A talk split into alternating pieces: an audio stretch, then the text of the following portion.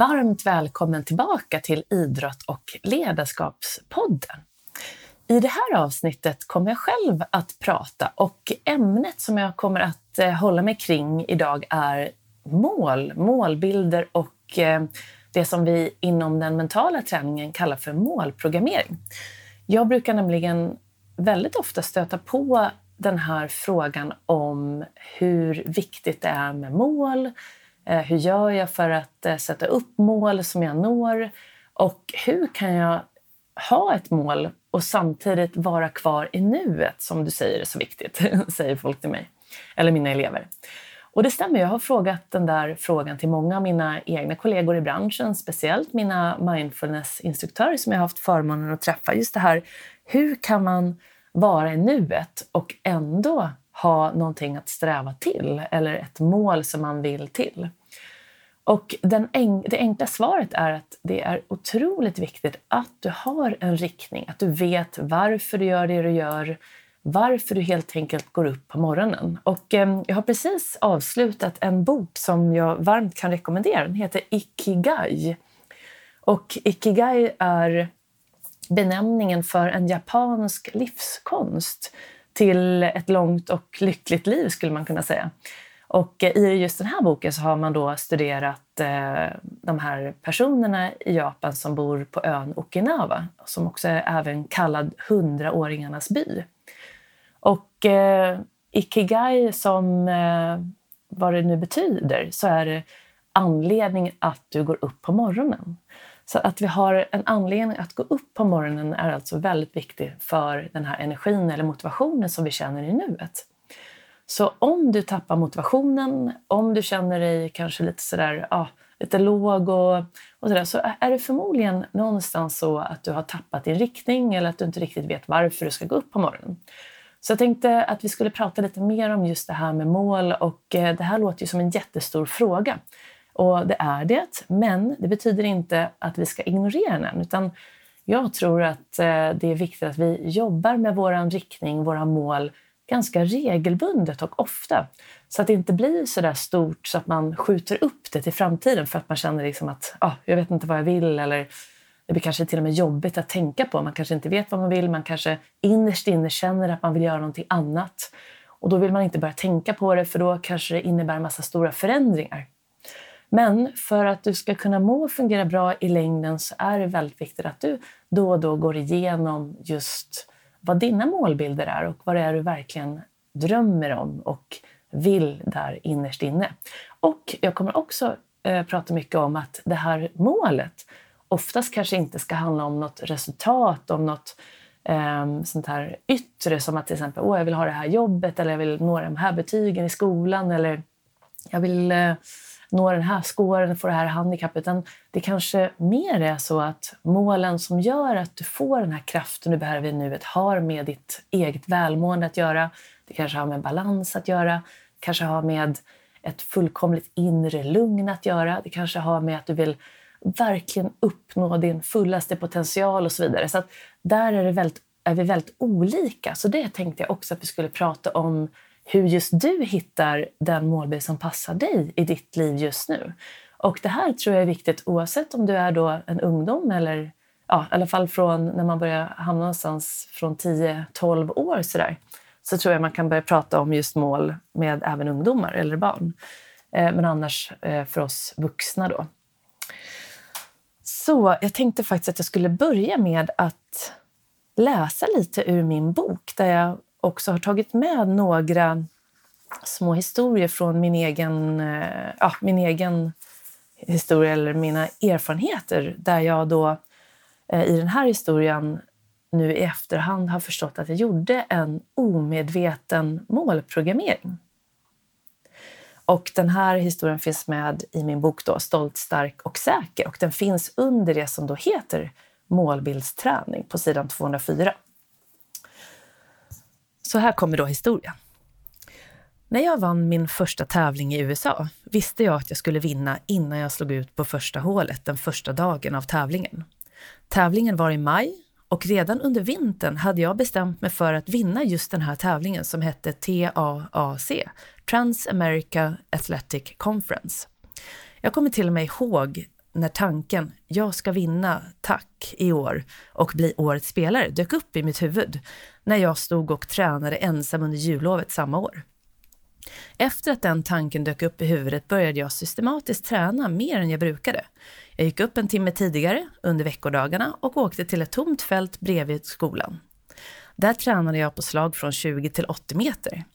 Jag hade ungefär 20 bollar och lade ut en handduk som var cirka 50 till 70 centimeter stor.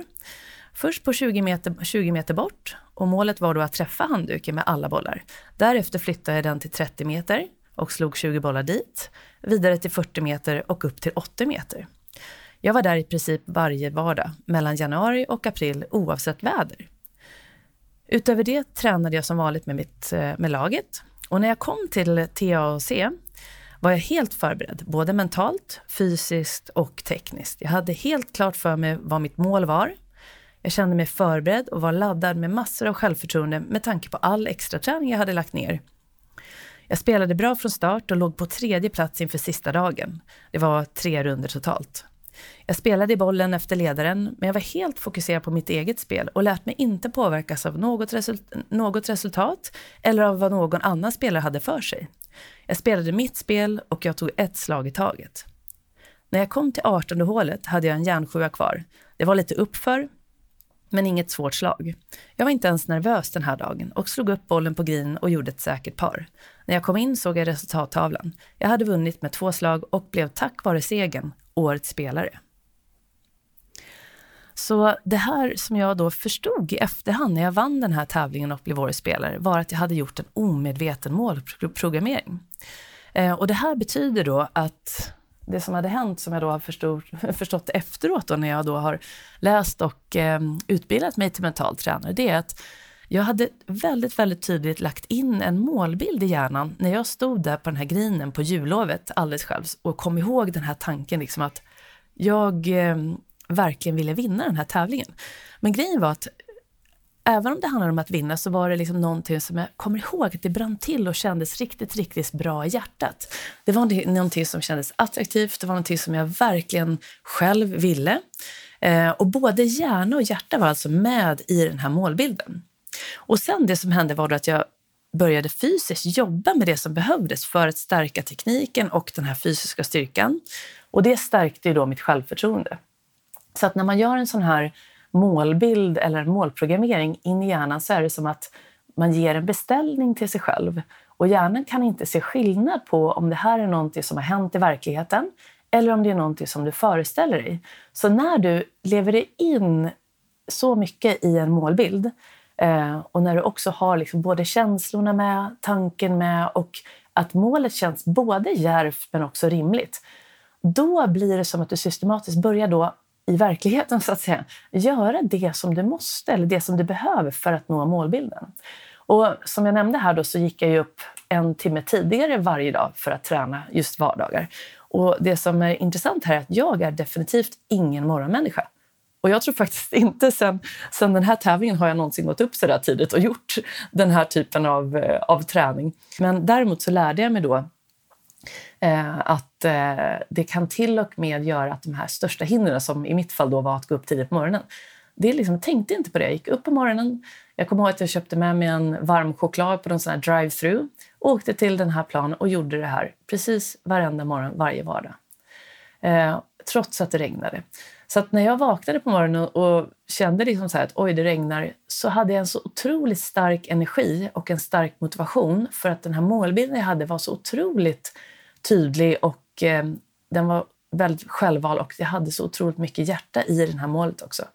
Det gjorde att jag gjorde, orkade göra det här som annars då var väldigt jobbigt för mig. Så det här är ju helt enkelt då den första, eh, vad ska man säga, det första sättet och det första receptet för att hitta ett mål och en riktning som gör att du verkligen mår bra i nuet. Så det var som att när man gör en sån här målprogrammering så gör man det i nuet, men den handlar ju om framtiden. Sen släpper du taget om det. Så att det enda som jag tog av hjälp av när det gällde målbilden, det var att jag kunde ibland tänka på det här. Åh, gud vad häftigt när jag kommer komma dit. Det ska bli så spännande. Jag var liksom verkligen nyfiken på mitt eh, på hur det skulle gå. Och det är ju också en väldigt viktig nyckel i det här med målbilder. Att när du tänker på din målbild så ska den bara skapa nyfikenhet, glädje, eh, som sagt en, eh, inspiration och entusiasm. Den ska inte ge dig någon form av dåliga känslor som till exempel rädsla, oro eller ångest. Och min erfarenhet då när jag jobbar med mina elever, både klienter inom eh, ledarskap och från företag, men också golfare och andra idrottare, tennisspelare och så vidare, så är det att det är väldigt lätt att sätta upp resultatmål för att det kan vi oftast göra. Man sätter upp ett mål till exempel att ja, men jag vill eh, klara av att eh, gå på den och den skåren till exempel. Eller som i mitt fall att jag faktiskt hade ett mål som hade med att jag skulle vinna den här tävlingen. Om det hade varit så att när jag tänkte på att jag skulle vinna tävlingen, om det hade lett till tankar och känslor av oro hos mig och rädsla. Till exempel, oj, tänk om jag inte, tänk om jag inte vinner nu? Eller vad ska alla andra säga om jag nu inte lyckas med det här? För nu har jag tränat så mycket.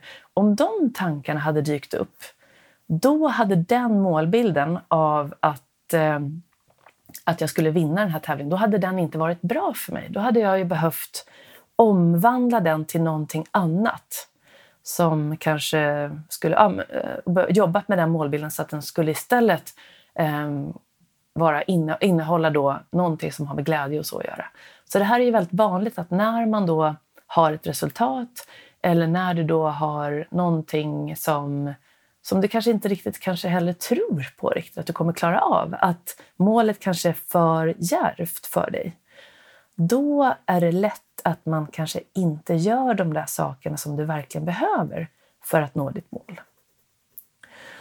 Så det är också något som är väldigt vanligt att man sätter upp för djärva målbilder. Och det var något som jag tidigt lärde mig när jag började studera mental träning, att självbilden, din självbild, alltså din tro på dig själv, hur du ser på dig själv och din målbild, de är väldigt tätt kopplade till varandra. Och jag brukar då ofta hänvisa till den här forskningen som Lars-Erik Unestål eh, började med redan på slutet på 60-talet. Och Lars-Erik Unestål är ju då grundaren av mental träning i Sverige och han kallar ju den här typen av mental träning för integrerad mental träning eftersom idag så finns det också meditation och mindfulness och andra delar som ingår i mental träning. Men just den här typen av träning kallas för integrerad mental träning. Och eh, när jag började studera mental träning som sagt och utbilda mig till eh, att bli just mental tränare eller mental coach så var det en sak som jag verkligen tog fäste på, det var just den här kopplingen som jag precis nämnde om självbilden och målbilden. Så att eh, i de här, alla de här studierna som har gjorts då sedan eh, början av eh, 70-talet så gjorde man bland annat så att man tog ut en grupp eh, som fick eh, göra ett självbildstest. Så de fick alltså skriva, svara på massa frågor och så såg man då därefter vilket resultat det blev. Hade man en låg självbild eller var det en bra? Och sen precis direkt därefter då fick man göra ett annat test. Och det här har jag skrivit om i boken också. Um, så det är kanske är många av er som känner igen det. Men just då fick man göra ett annat test och det var att du fick en tennisboll. Och eh, då skulle du försöka träffa en hink med den här bollen. Och du fick ställa dig på valfritt avstånd från hinken. Och då såg man då att de som hade fått ett resultat av en, en låg självbild, alltså de trodde inte riktigt på sig själva, de hade en låg självbild, de ställde sig väldigt, väldigt nära den här hinken för att försöka träffa den. Så då var de för att vara helt säkra på att de skulle träffa den. Och de som hade lite bättre resultat på den här, eh, eh, det här självbildstestet, de hade alltså en god självbild och de ställde sig längre ifrån. Så att de kanske inte träffade alla bollar i hinken, men de träffade i alla fall, i alla fall nästan alla. Men så fanns det de som ställde sig jättelångt ifrån den här hinken. Och de hade ju förmodligen bra självförtroende, bra självkänsla, alltså den här känslan av att du kan separera person från prestation, eh, bra tillit till sig själva. Men de hade väldigt dålig självinsikt som också då ingår i din självbild. Så att de visste inte riktigt eh, att det här var för långt bort för dem för att träffa hinken, så de missade ju alla bollar. Och det där tycker jag är en bra illustration för att visa vad vi gör när vi sätter upp för djärva mål. Vi kanske inte riktigt förstår vad som krävs för att nå målbilden. Och det här är ju väldigt vanligt när man tittar på barn eller um, ungdomar. Så att, uh, med tanke på att de inte heller har kanske levt så länge så, så förstår man inte riktigt vad som krävs för att nå sin målbild. Det betyder inte att man inte ska ha en djärv målbild. Det är väldigt, väldigt viktigt. Så man ska ju definitivt inte ha en för rimlig, men det är den där balansen mellan att ha en djärv målbild men att ändå kunna känna att du har eh, en självbild som hänger med i det där så att du också tror på din målbild, att du kommer att klara av det. Att det här är faktiskt någonting som du har valt själv. Det är ditt val, det är det här du vill. Så därför så i den här integrerade mentala träningen så tränar man ju då i en viss ordning för att det är väldigt viktigt att börja i rätt ände så att du inte bygger då din mentala styrka från fel ände för då kommer det inte hålla när det gäller. Och den första delen av den, mentala, den här integrerande mentala grundträningen är ju då avspänningsträning, fysisk och mental avslappning. Eh, och eh, där har jag pratat om tidigare så jag kommer inte gå in jättemycket på det men det är viktigt att du förstår att nummer ett är alltid att se till så att du kan reglera ditt spänningstillstånd och att din grundspänning är låg så att du inte är liksom stressad och har för mycket eh, spänningar i kroppen. För då går det helt enkelt inte att fokusera. Då blir det också svårt att fokusera på ditt mål, även om du då har ett bra mål. Och sen nummer två, det är då att bygga din självbild. Att du är medveten om din inre dialog. Att du är medveten om hur du kan träna upp din självbild om den kanske i, i dagsläget är lite lägre. den kan ju gå lite upp och ner. Och eh, bara lite kort då, så har jag ju ett kapitel om just självbildsträning, även det i min bok. Det finns till och med nio övningar du kan göra för att stärka din självbild som jag verkligen starkt rekommenderar om du känner igen dig i att du har en inre dialog som kanske inte stärker dig utan som är mer eh, att den eh, skälper dig och att du har lätt att hamna i en, en dålig dialog helt enkelt. För då är det svårt också att eh, nå dina mål såklart. Så stärka självbilden. Och sen kommer då målbildsträningen. Men parallellt med det här så kan du ändå börja fundera och jobba med din riktning. Så att när jag jobbar med mina mentala träningskurser som jag har en gång per, per termin, då, får all, då följer jag ju då den här ordningen. Vi jobbar med avspänningsträning, självbildsträning och målbildsträning i den ordningen. Men redan in, vid första tillfället så får mina deltagare ta fram och jobba med det som jag kallar för mirakelfrågan för att börja jobba med sina målbilder. Vad det är som verkligen bor där längst in i hjärtat. Vad är det de allra mest längtar efter? När det gäller då om det är golfen eller om det är affärsliv, eller sitt eh, arbetsliv eller sitt familjeliv eller sin hälsa eller vad det nu gäller. Att man börjar med den frågan. Och eh, jag tänkte faktiskt att jag skulle nämna den redan nu så skulle du kunna få börja med den. För jag tycker det är ett ganska bra läge. Det är november.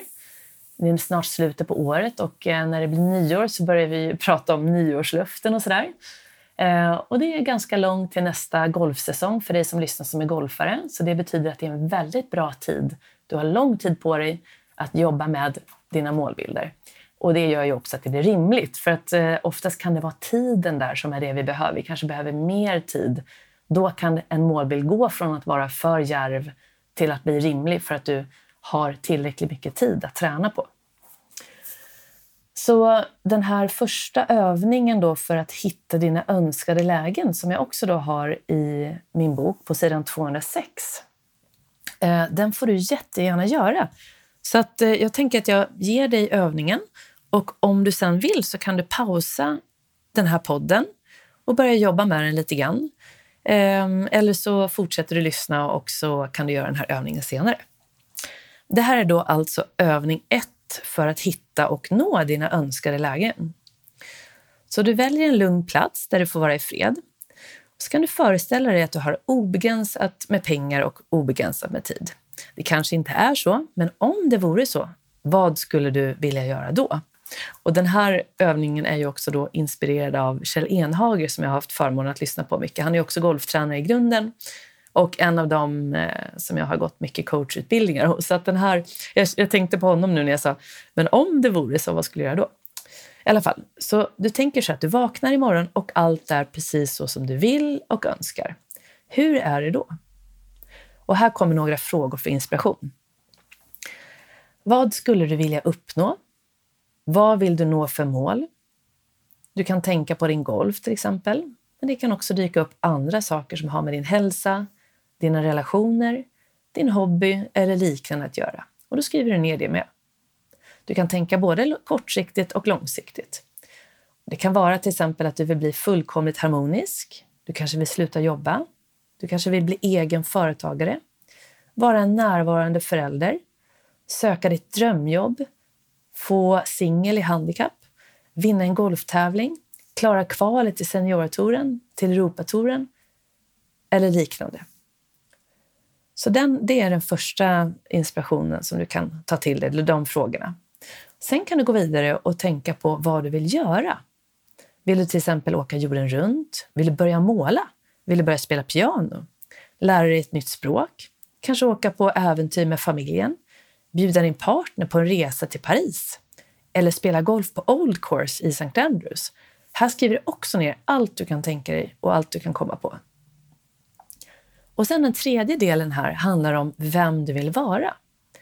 Vem skulle du verkligen vilja vara? Som golfare, som idrottare, som vän, fru, man, mamma eller pappa, kollega, mormor, morfar, farmor eller farfar, som medspelare och så vidare.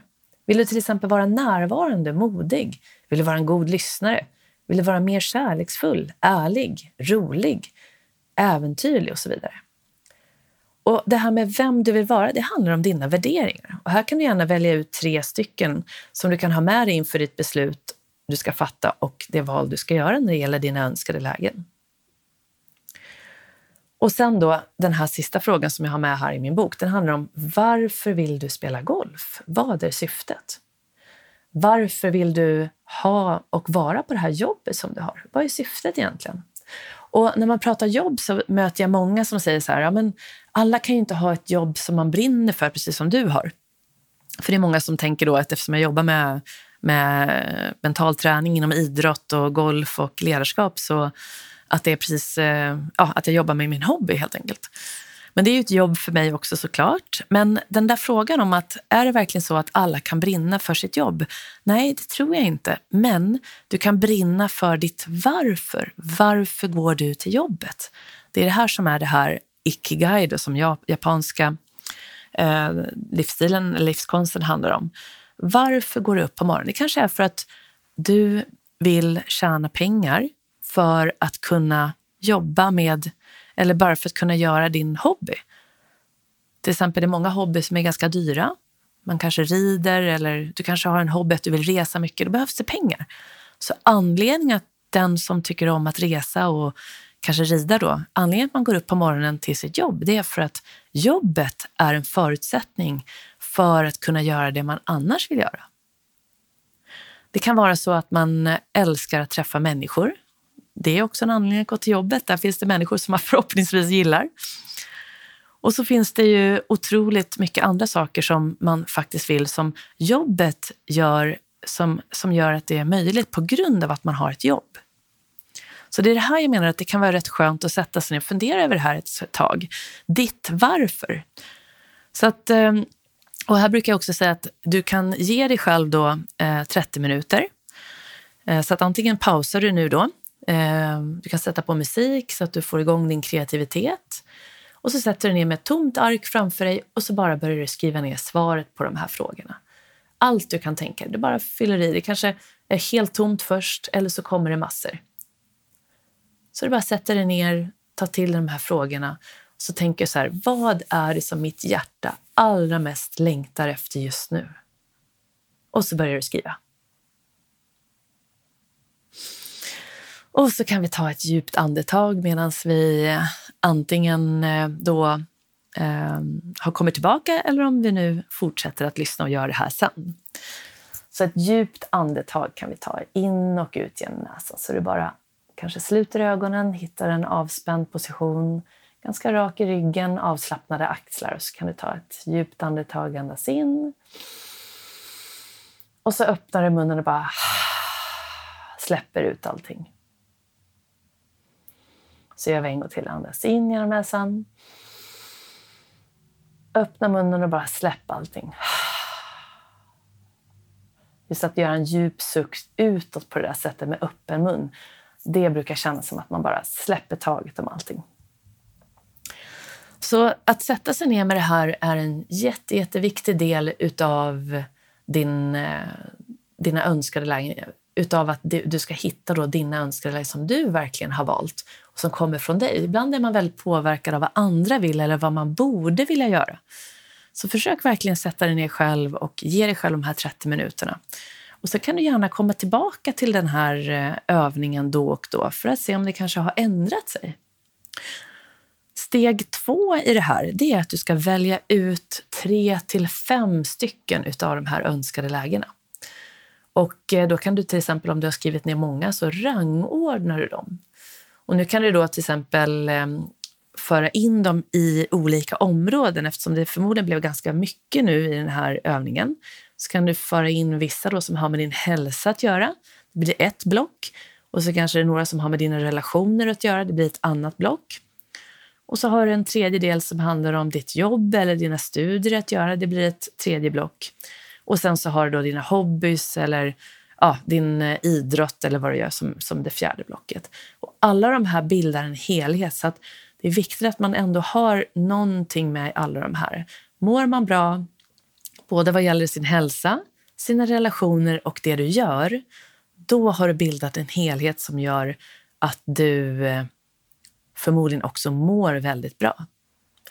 Så att du kan dela in dem så och sen så rangordnar du de här och tänker vad är det viktiga, vad är de fem viktigaste sakerna just nu? Så räknar du ut, så fyller du i då 1 till 5. Um, ehm, och sen kan du då börja beta av det här allt eftersom. Men börja där så att du inte har för många önskade lägen till att börja med. Och när du då sen till slut har dina tre till fem önskade lägen, då är det då dags att göra din målprogrammering. Och till min bok så är jag väldigt tacksam att jag har eh, gjort, eller att Jemina Enedal har varit med och gjort eh, en, eh, några ljud, ljudfiler. Det är fyra ljudfiler som har samma namn som boken, Stolt, stark och säker. Och de finns också hos buenavida.se. Eh, så där följer vi gradvis hur du gör då för att till slut komma till målprogrammering. Och varför jag säger det här nu är det nämligen för att, som jag nämnde tidigare, så i den här integrerade mentala träningen så jobbar man i en viss ordning. Så att om du nu skulle strunta i din avspänningsträning och din självbildsträning och gå direkt nu på det här med målbilder, då skulle det bli lite svårare för dig förmodligen att nå dina målbilder om det nu är så att du kanske sitter med en lite förhöjd grundspänning och du kanske inte riktigt har den här tilliten och tron på dig själv. Så det är viktigt att du säkerställer att du har de bitarna med dig också.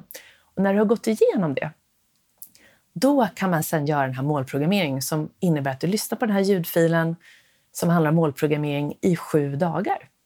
Och det gör man då, väljer man en målbild per vecka. Så du jobbar med en målbild i sju dagar, sen går du vidare till nästa. Så att om målbilden till exempel är att jag vill nå, när jag spelar golf, så vill jag vara glad. Det kanske är din målbild. Du vill vara glad när du spelar golf. Eller en annan målbild kan vara, jag vill vara pigg på morgonen när jag vaknar. Och då är det den målbilden du ska jobba med. Så att först väljer vi ut målbilderna, väljer ut då tre till fem stycken. Och sen, det som jag nu glömde bort att säga faktiskt, det var att innan du gör målprogrammeringen, det är att du såklart ska också måla ner och rita upp eller göra ett litet collage över dina målbilder och hänga upp det på väggen hemma på kanske garderobsdörren så att du kan titta på de här målbilderna varje dag. Och I mina kurser får ju då mina elever komma tillbaka varje vecka. Vi, vi kör i sex veckor med en veckas uppehåll, så vi håller på i sju veckor. Och eh, den, innan de då får göra målprogrammeringen, vilket är då inför sista veckan, då får de ta med sig sin sina målbilder eh, och sin målkarta då, och presentera den och visa det här är min målbild. Och då kanske någon har klippt ut lite bilder som illustrerar då de här målbilderna man har. Så till exempel om man har valt då att man vill vinna en tävling, som jag hade gjort, ehm, då gäller det att välja en bild som skapar glädje, motivation och eh, nyfikenhet i nuet och inget annat. Så då får man välja en bild som passar det.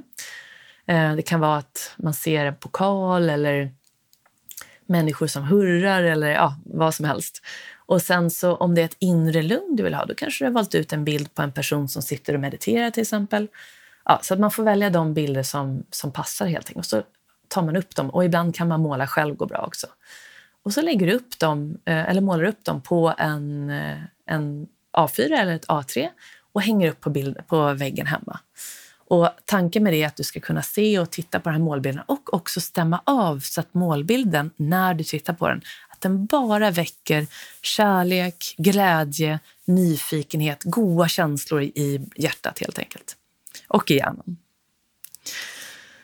Så, så det där är ett sätt att börja när du vill jobba med dina önskade lägen. Och sen då kan du använda, när du väl har då dina mål, målbilder klara för dig, då börjar ju då den här resan för hur du ska ta dig dit. Så att nummer ett är att skapa en målbild och göra en målprogrammering eh, i huvudet så att säga, så att du gör din beställning.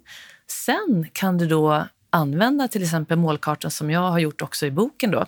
Och jag har säkert med den också i någon av mina Instagram-inlägg om du vill titta där. Ehm, jag kanske gör så att jag lägger upp det, ett litet blogginlägg faktiskt nu när det här avsnittet kommit, kommit ut. Så att jag, eh, du kan titta på eh, i podden här och se, eh, så kan du gå in då på jennyhagman.com så kommer det finnas instruktioner där. Där kan jag lägga upp den här bilden. För den handlar om en målkarta där du då från det här önskade läget så går du tillbaka till nuläget, tittar på din situation, hur den ser ut idag i förhållande till dina målbilder. Och här ingår också acceptansen av ditt nuläge. Och sen börjar du då bestämma vad ska du göra och när ska du göra det på din resa mot ditt mål. Det kan vara till exempel att jag ska börja lyssna på de här ljudfilerna som ingår i Jennys bok eller andra ljudfiler som du också nu för tiden kan hitta på appar. Där du börjar med avspänningsträningen i tre veckor, sen går du vidare till mental avslappning en vecka, sen är det självbildsträning en vecka och sen är det då målbildsträning en vecka. Det här är då grundträningen. Um, och så, då fyller du i det att du ska lyssna på de här ljudfilerna en kvart om dagen, till exempel. En annan sak kan vara att du ska börja göra eh, självbildsträning, lektion 1, eh, som är att skriva i bra-boken, som jag brukar också ha med i, på Instagram, så för dig som följer mig där. Man skriver ner då tre saker som du känner att du gjort bra under dagen, tre saker du är tacksam för och tre saker som du känner att du behöver hjälp med. Det här är ett sätt att börja utveckla och jobba med din inre dialog om hur du tänker och tror om dig själv helt enkelt. Så det kanske ska in under aktiviteter. Och så vidare. Du kanske vill lägga in lite fysträning eftersom vi nu vet att det här med konditionsträning stärker hjärnan. Eh, och även här, jätteviktigt att du är rimlig så att det inte blir nu så här att du skriver upp liksom 100 aktiviteter utan att du skriver ner några få aktiviteter och framförallt då när du ska göra dem. Och sen kan det då vara så att det är några hinder som du ser som dyker upp på vägen och då kan du gärna fylla i dem. Vad skulle kunna hindra dig från att nå dina önskade lägen? Så att du får upp dem till ytan. Och här kan du kanske till exempel komma på att du behöver hjälp med att hitta dina målbilder. Du kanske har svårt att veta vilka målbilder du behöver. Du kanske inte riktigt känner att trots att du har gjort de här övningarna som jag har nämnt nu så, så vet du inte riktigt hur du ska göra. Så då kan du till exempel höra av dig till mig så kan jag försöka hjälpa dig vidare på traven. Det kan vara ett annat hinder som att du känner att du eh, känner dig att du inte har tid. Du kanske inte har tid till att göra det du vill. Du kanske nu har massa mål när det gäller din golf nästa år och så har du ett jobb som tar väldigt mycket tid. Hur ska du då göra? Det är i alla fall någonting som är rättvist här i världen. Det är att vi alla har lika mycket tid varje dag. Vi har 24 timmar på ett dygn och vi alla måste sova minst vad är det, 68 timmar per dygn.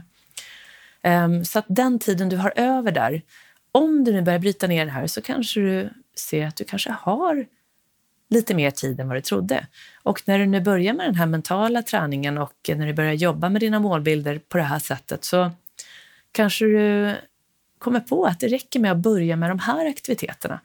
Um, och eh, jag skulle säga att just avspänningsträning 7 till 15 minuter per dag är en väldigt bra ingång och det kommer från forskningen också. Att håller du 7-15 minuter per dag där med valfri träning när det gäller fysisk och mental avslappning, då, då har du första grunden klar. Och sen när det då det här med självbildsträning, då kan det vara att du skriver i bra-boken. Och så kanske du har någonting med din teknik då som är en jätteviktig del för att bygga självförtroende om du nu har golf eller det kanske håller på med någon annan idrott. Att du behöver ha en del teknikträning och då är det viktigt att du fyller i när du ska göra det.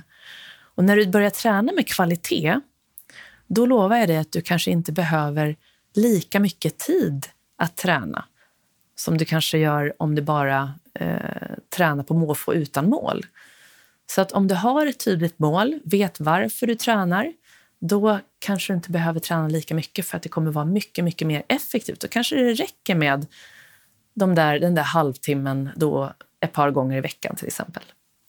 Och vill du nu ha tips på hur du kan lägga upp dina träningspass om du som lyssnar nu är golfare, då kan du faktiskt också nu, får jag hänvisa till boken då, gå in och titta på det här eh, första träningsprogrammet som finns, där jag har eh, sex veckor, kom igång inför säsongen på sex veckor. Men här kan du faktiskt också jobba med under vintern. Och då kan du välja ut de träningspass här som, som du känner att du behöver träna på för att nå just dina mål. Och om det är något annat som du håller på med, det kanske är att du jobbar med eller du håller på med tennis eller det är någonting du önskar och har som målbild när det gäller ditt jobb, då väljer du då aktiviteter som har med det att göra såklart. Och när det gäller då hinder och tid så refererar du till, till det. Och när det gäller teknikträning för dig som jobbar så kanske du inte håller på med teknikträning. Men teknikträning är ju samma sak som din kompetens i vad du behöver träna för att göra ett så bra jobb som möjligt på ditt jobb. Du kanske behöver lära dig någonting nytt. Du kanske behöver bli bättre på att planera till exempel. Det är en teknikträning skulle man kunna säga inom, um, inom sådana här citationstecken. Eh, när du planerar bättre så blir du bättre på ditt jobb och du blir också lugnare. Det kanske ska in under eh, aktiviteter. Men oavsett här så är det viktigt att du håller din rimlighet och inte börjar sväva ut i för mycket aktiviteter. Och ett eh, tips här också det är att du en gång i veckan följer upp de aktiviteter som du har valt att du ska göra. Som du till exempel där på söndag då bestämmer dig för att planera veckan. Du har gjort din målkarta, så har du sagt att ja, den här veckan ska jag göra avspänningsträning eh, varje dag, sju minuter. Och jag ska eh, gå till jobbet för att hålla konditionen uppe. Och sen kanske du ska eh, vara duktig på att planera varje dag. Nästa söndag, då, en vecka senare, då stämmer du av. Okej, hur gick det nu i veckan? Gjorde jag det här jag sa? Om du inte har gjort det du sa att du skulle göra, då är det viktigt att du går tillbaka och funderar varför gjorde jag inte det som jag bestämde mig att jag skulle göra? Hade jag inte tid? Eller är det någonting kanske i min målbild som gör att jag inte riktigt vill göra de saker jag har bestämt att jag ska göra? Då går du tillbaka till din målbild igen och tittar på den och verkligen blundar och känner in, är det här verkligen någonting som gör att jag blir glad? Är det här någonting som gör att jag mår bra? Om det då är något annat som gömmer sig där, någon rädsla för att misslyckas eller att du kanske märkte att det här var inte det jag ville, utan det var någon annan som ville det här. Då tycker jag att du tar bort den där målbilden eller de målbilderna och så gör du om dem. Så det här kan hända ibland att man får göra om sina målbilder tills man förstår vad det verkligen är jag behöver. För det är det den motivationen du får i nuet av din målbild som gör att du kommer göra de här sakerna som du har bestämt att du ska göra. Så då förstår du nu kanske mer och mer hur viktigt det är att vi har en målbild eller en riktning i vårt liv. Men att din målbild kanske inte alls har med något resultat att göra, något, eh, något jobb eller så vidare. Det kan bara ha med att du vill må bra eller att du vill vara mer medvetet närvarande varje dag. Sådana saker som har med dina inre känslor, din inre framgång att göra. För till syvende och sist så är det väl så att när du mår bra innerst inne, när din inre styrka är bra, när ditt, din inre, dina inre muskler mår bra, då kommer förmodligen resultatet att bli bra på utsidan. Och här kan jag rekommendera dig att gå in och lyssna på Henrik Norlander eh, som är med i avsnitt 52 tror jag, i min podd här, säsong 7. Där han pratar just om hur han har ändrat sina målbilder och hur han har jobbat med sina tankar kring resultat och så vidare. Och han spelar ju idag på PGA-touren. Jättehög nivå, började jobba med mental tränare för ett år sedan bara. Och inser nu att tidigare när han kände att han ville bli bättre så gick han alltid tillbaka till sin teknikträning. Han trodde liksom att bara jag tränar mer på tekniken så kommer det bli bättre. Idag har han förstått att det är inte bara tekniken utan det är ju minst lika mycket den mentala träningen som gör att du blir bättre. Och det, till slut så är det ju det enda som skiljer när du väl har gjort all den här träningen du behöver. Det enda som skiljer de som lyckas och de som inte lyckas, det är hur starkt du håller dig mentalt. Apropå alltså hur mycket du kan kontrollera ditt spänningstillstånd och hur du kan kontrollera dina tankar och dina målbilder. Och eh, här vill jag också nämna det här med målbilder och vi har ju pratat om att den ska vara järv men ändå rimlig och att den kanske inte alltid ska ha med ditt resultat att göra. Och det som är väldigt spännande där, det var det här jag började med att prata om att eh, när du har ett mål så är det någonting som ska hända i framtiden. Men sen så ska du ju då komma tillbaka till nuet. För det är ju bara nuet som du lever och det är bara nuet du kan påverka, eller hur? Så ett väldigt bra tips då när det gäller det här det är att du bestämmer dig för att jobba med dina målbilder. Det som du skriver ner, du gör den här övningen kanske som jag nämnde och som finns i min bok också. Um, och så jobbar du med det och när du jobbar med det, då är du i nuet och där är då det du gör i nuet att du jobbar med dina målbilder. Sen kanske du går vidare till att planera, du gör din målkarta, du bestämmer dig för vad du ska göra på vägen. Om du när du håller på med det här helt plötsligt börjar märka att du börjar bli orolig för om du till exempel kommer nå det här målet eller inte. Eh, du kanske börjar tänka tillbaka på att tidigare har det ju inte gått och så vidare. Då är det ett tecken på att du har lämnat nuet. Då är du alltså inte i nuet och planerar längre, utan då har du hamnat i framtiden eller i dåtiden.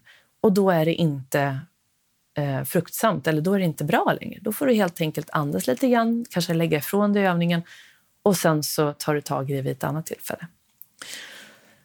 Och om det då är så att, eh, som, eh, för att återgå till Henrik Norlander här, så sa han ju att han vill spela golf precis så som han gör när han lagar mat. Så han tycker väldigt mycket om att laga mat. Och då följer man ju processen, eller hur? Du har ett recept. Du kan liksom inte börja med att maten är ju inte klar från början, utan du måste ju göra allting i steg, eh, steg för steg. Du behöver liksom lägga ner mjölken först och sen kanske kommer mjölet, sen eh, salten. Eller, eller tvärtom, jag är inte så jättebra på att laga mat, så att, eh, som du kanske hör. Men man följer i alla fall receptet tydligt och då kan till och med jag då, som inte är speciellt bra på att laga mat lyckas göra en fantastisk maträtt för att jag har varit i processen. Jag har följt receptet och jag har gjort allting i rätt ordning. Jag har ju inte då suttit och tänkt så här, och undrar hur slutresultatet, tänk om det inte blir bra. Det kan ju hända att jag gör så, om jag nu är orolig och känner att jag inte är bra på att laga mat. Då kanske jag missar någonting som står i receptet. Jag kanske missar att lägga ner saltet eller någonting.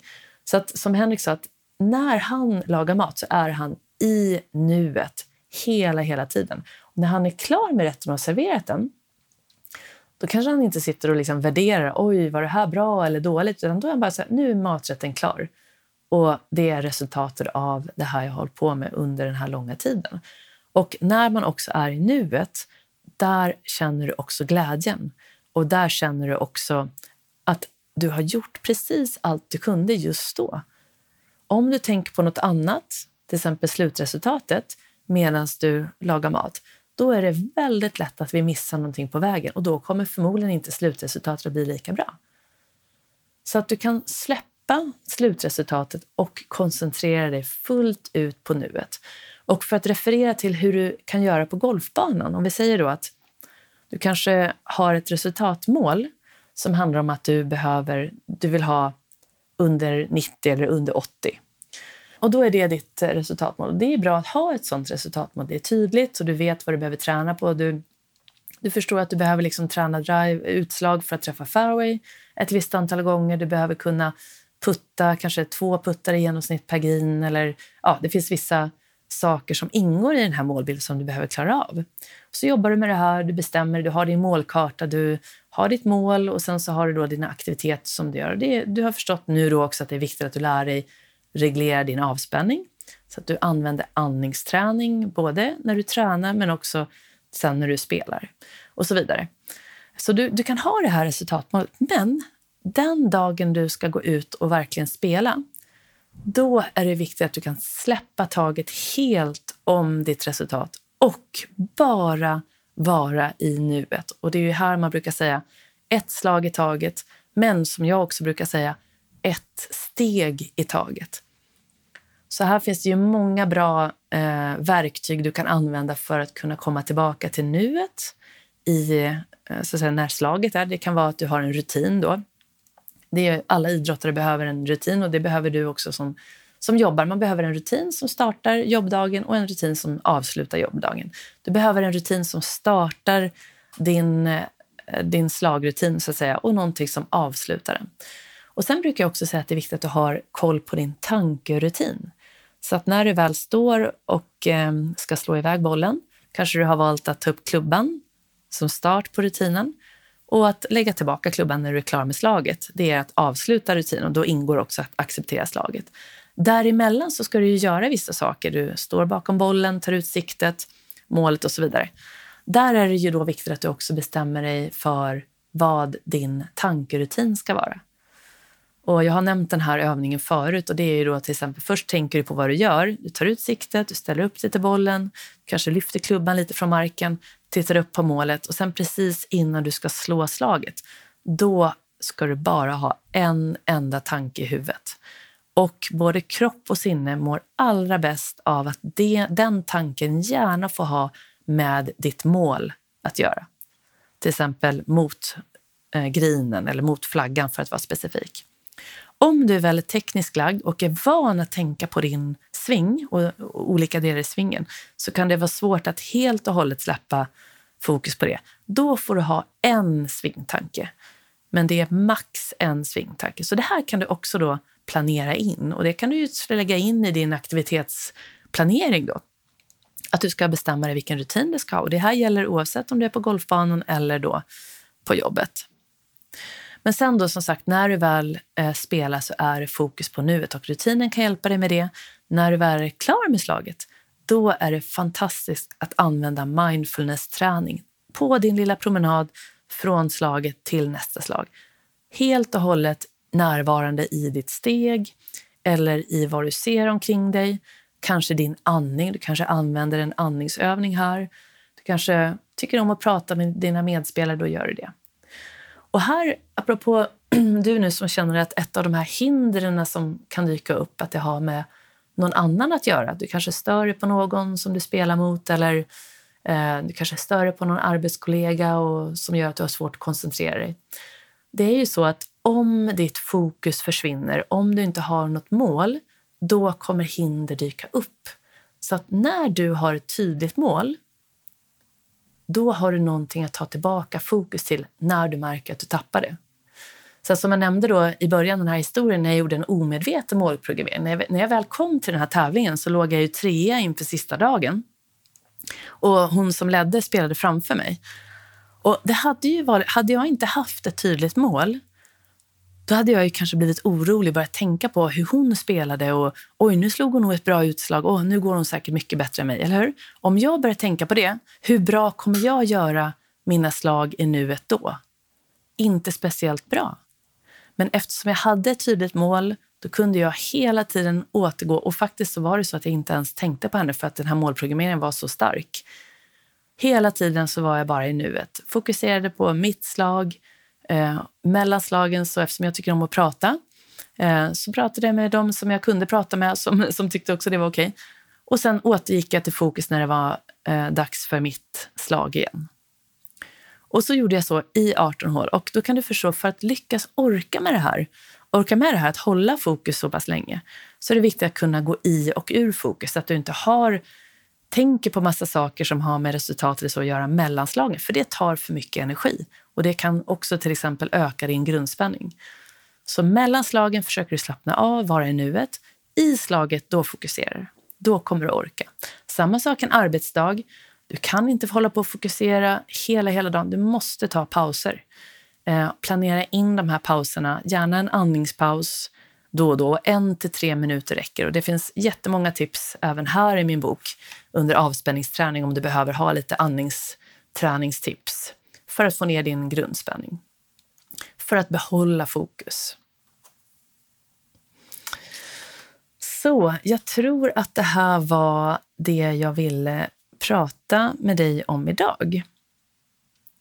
Så vikten av en tydlig målbild helt enkelt. Så jag hoppas verkligen att det här har gett dig en hel del tankar kring dina egna målbilder. Dina önskade lägen kan man också använda om du tycker att mål blir stressande för dig.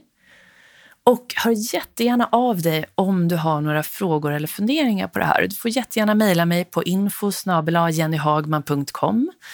Eh, du kan följa mig på Instagram, snabela Jenny underscore Hagman, där jag försöker lägga ut tips både till dig som är golfare, idrottare och ledare.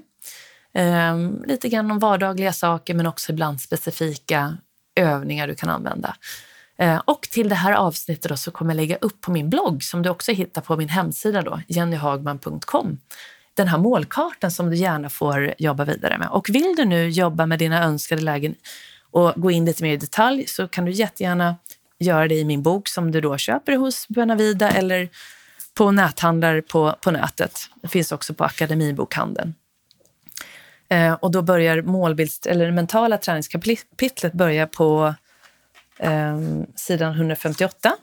Och sen har du då målbildsträningen. Den kommer under från sidan 201 och där finns det lite fler övningar, tips och framförallt det här som jag nämnde också om om du märker att du har gjort upp en plan men sen gör du inte riktigt den. Vad ska du göra då? Det finns några modeller du kan använda för det. Så jag hoppas att det här har varit eh, nyttigt för dig och eh, så vill jag nu bara önska dig en riktigt, riktigt fortsatt trevlig dag eller kväll. Och så ses vi och hörs snart igen. Hej då!